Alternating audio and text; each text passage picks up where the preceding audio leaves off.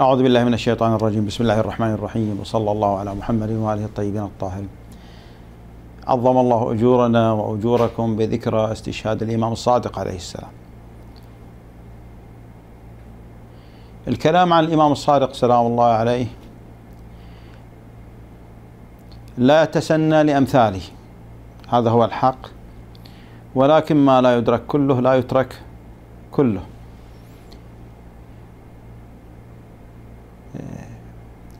هناك نقاط عدة ومواضيع يمكن أن تطرح في شخصية الإمام الصادق عليه السلام. ومنها هذا الأمر الكبير هو قضية التربية التربية لجيل من كبار الرواة والعلماء وأساتذة في حقول شتى هذه المهمة قام بها الإمام الصادق سلام الله عليه لأنه يعلم بأن العلم به تدفع كل البلايا عن الإسلام. ولذا سعى سعيا حثيثا في مثل في هذا المضمار. فخرج جماعة كثيرة من العلماء والرواة في جميع الحقول. وليس فقط في الفقه أو الحديث. من المعلوم أن الإمام سلام الله عليه خليفة الله. الله سبحانه وتعالى إنما استخلفه لهدف ولغاية والإمام يسير ويمشي في طريق تحقيق هذه الغاية الربانية والإلهية. فالإمام سلام الله عليه من الأمور التي اعتنى بها قضية التربية والاهتمام بالتعليم خصوصا أن آباءه عليهم السلام يعني من سبقوه عليهم السلام جميعا لم تتسنى لهم الفرصة كما تحققت هذه الفرصة للإمام الصادق عليه السلام. كلنا يعلم أن الأئمة كانوا محسودين كانوا آه، محصورين. فتسنت الفرصة وتحققت فرصة لا مثيل لها للإمامين الباقر والصادق عليهما السلام.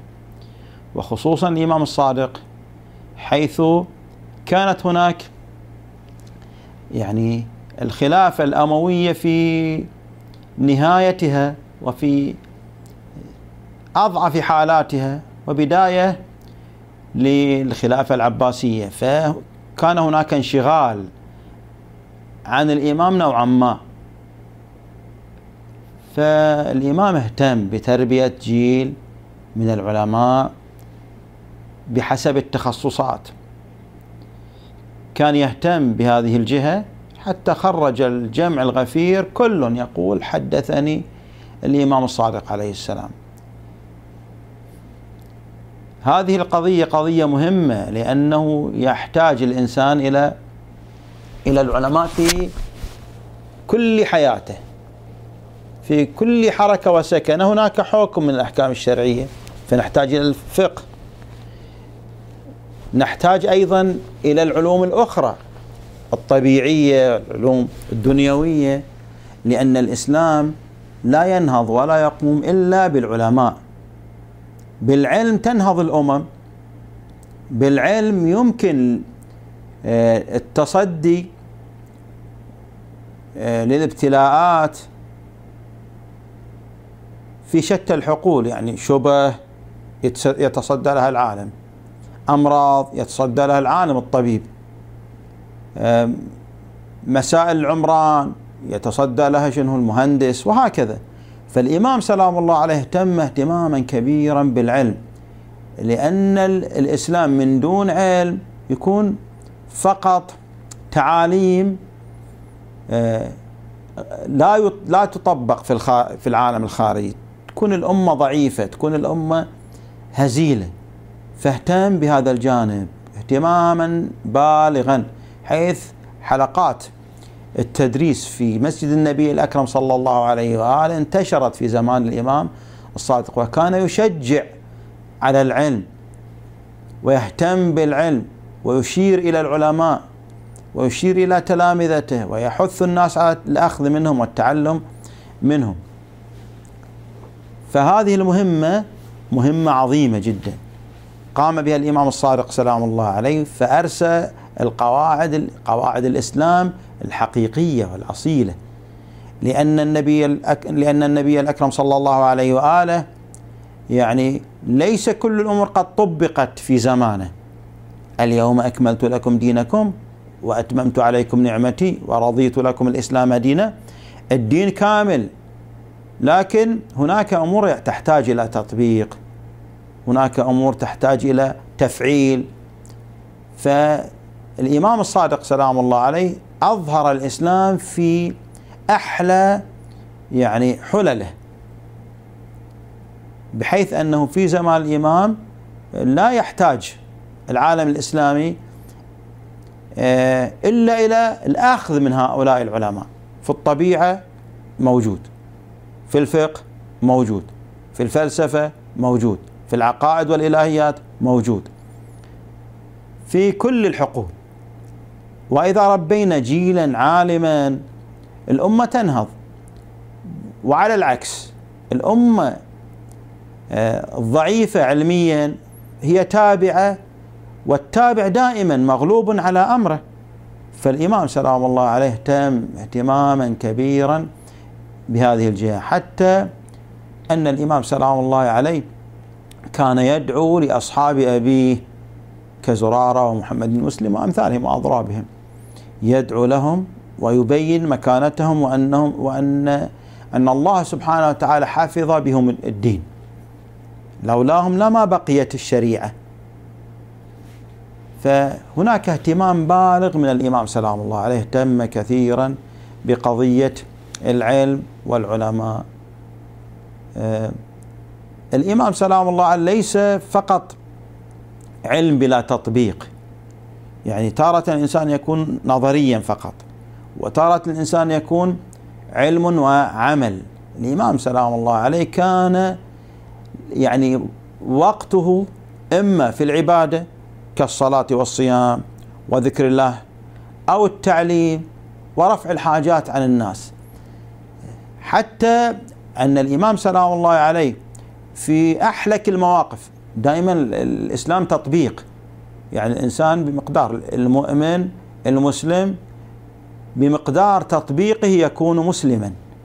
يعني المسلم الذي يكذب أو الذي يسرق هو أخذ التعاليم تعاليم الإسلام لكن لم يكتمل إسلامه ولم يكتمل إيمانه من هذه الجهة.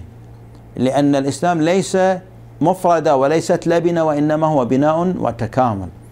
فالإمام سلام الله عليه ضرب المثل الأعلى في مسألة العلم والتطبيق. يعني تنقل في الروايات كما في بحار الأنوار عن غيبة الشيخ الطوسي عليهما الرحمة أنه في عند وفاته. عادة الإنسان في حال الوفاة يكون يكون مشغولا بنفسه. الإمام سلام الله عليه كان يعلم حتى في هذه اللحظات باللسان وبالفعل. يشير باللسان وبالفعل. إلى أنه أمر بتجميع الأرحام. ثم قال اعطوا فلانا واعطوا فلانا واعطوا فلانا وهكذا. فتساءلت بعض آه، إماء الإمام سلام الله عليه لماذا أعطيت فلانا؟ وهو كان يسعى في قتلك. فالإمام سلام الله عليه كان يبين أن الإنسان يحتاج إلى شنو؟ إلى صلة الأرحام حتى يحيي أمر الله سبحانه وتعالى. أن الله أمر بصلة الأرحام. وأيضا آه، نفس صلة الرحم أمر مطلوب وعقب كؤود في يوم القيامة حتى أنه بين عليه السلام كما في الرواية. أن الجنة طيبة طيبها الله سبحانه وتعالى. رزقنا الله وإياكم الدخول فيها بحق محمد وآل محمد. أنها طيبة وريحها وطيبها تشمه الناس على بعد ألفي عام.